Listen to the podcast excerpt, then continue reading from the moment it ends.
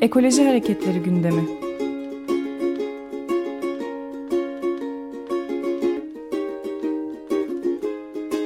Çevre ve Ekoloji Hareketi avukatları tarafından hazırlanıyor.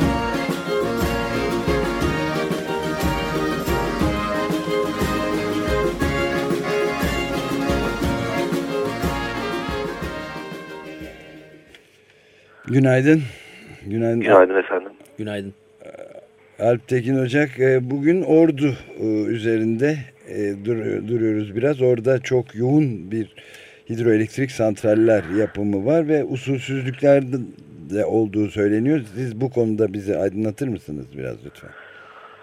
Ee, şunu söylemek isterim. Öncelikli olarak e, Ordu ve Giresun merkez olmak üzere e, yaklaşık 30'un üzerinde takip ettiğimiz Trabzon'da var. Onun dışında e, Sinop'ta var. 30'un üzerinde hidroelektrik santral davası yürütmeye çalışıyoruz. E, kendi bölgelerinde, vadilerinde yapılan hidroelektrik santrallere karşı duran insanların en azından yargısal sürecinde onlara destek, onlarla beraber yürümeye çalışıyoruz. Hidroelektrik santraller meselesi e, Türkiye'de e, çok fazla e, insanlar tarafından kaygı e, duyulan bir hal aldı. Meseleye birkaç boyutu var. Öncelikle e, o kadar çok dere üzerinde hidroelektrik santraller planlanıyor ki e, yani ben özellikle bölgeye bizzat giderek belki her ay bir ya da birkaç defa e, gözlemleme şansına sahip oluyorum. E, şunu söyleyebilirim. Yani bir tane dere yok ki özellikle Doğu Karadeniz özelinde bahsedersek bir tane dere yok ki e, denize varmayı e, hani böyle suyu bozulmadan e, denize varmayı becerebilen bir tane dere yok.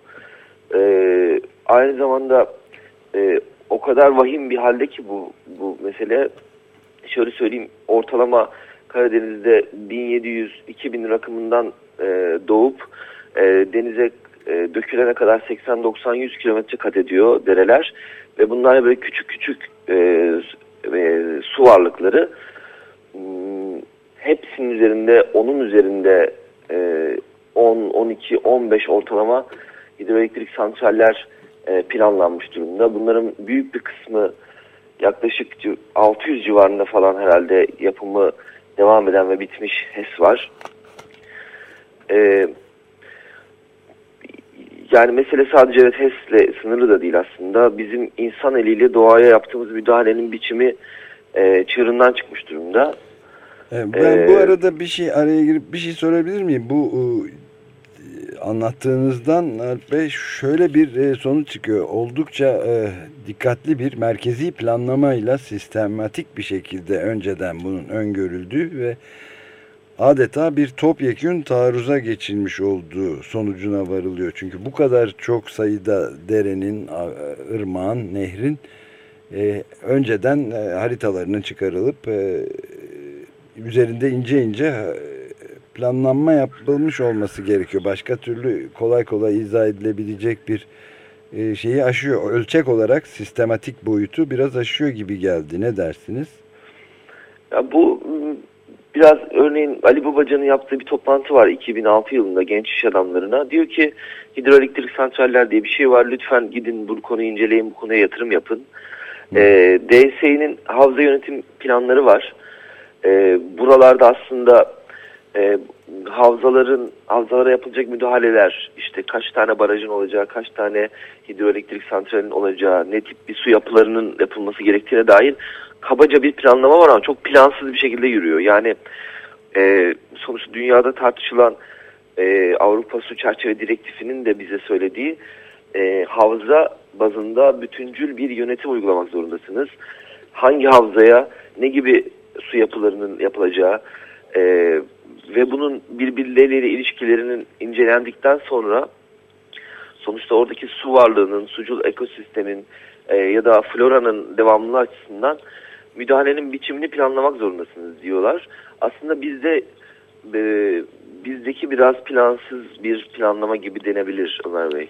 Evet yani ee, ben de planlamanın şey anlamda ortada bir plan var bir ama taarruz, hani genel şey taarruz şey kaos yani. Evet, ka, yani bir ortada bir genel taarruz planı var aslında. Onun dışında derelerin hepsinin ele geçirilmesi gibi. Peki bir soruda şeyi üzerinde sormak istiyordum Alp Bey. Bu e, şirketler arasında bir paylaşım mı söz konusu? Nasıl bunun?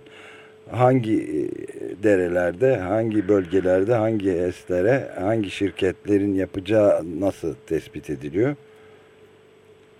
Ee, yani hangi derede açıkçası dereler ihaleye çıkarılıyor.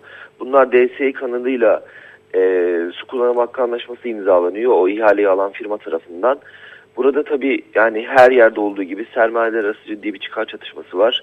Hatta bazı büyük sermaye grupları ya da uluslararası ortaklığı olan sermaye grupları şunu söylüyor. Evet HES'ler hani mesela yapıldı yapılıyor ama çok kötü yapıldı. Biz artık daha böyle şey e, daha az çevresel etkili olabilecek şekilde yapacağız bunları gibi taahhütleri var. E, küçük yani hangi firma tarafından yapılırsa yapılsın hepsi sonuçta taşeron firmalar eliyle yapılıyor. Taşeron firmada örneğin taahhüt ettikleri projelerde mesela hafriyatları deniliyor, deniliyor depolama alanlarını koyacağız.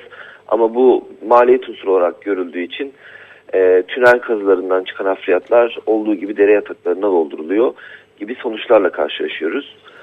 E, yani şunu söylemek isterim aslında bu sadece Türkiye'nin problemi de değil.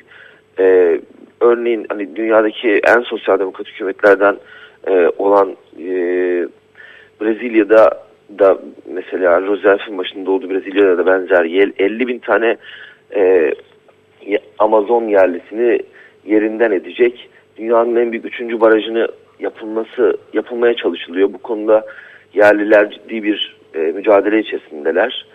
E, ilk roundu da kazanmış gözüküyorlar ama oradaki hükümet de Yüksek o barajı yapmak konusunda evet, ısrarlı ve Yüksek mahkemede yüksek mahkemede iptal etti yürütmeyi durdurmayı.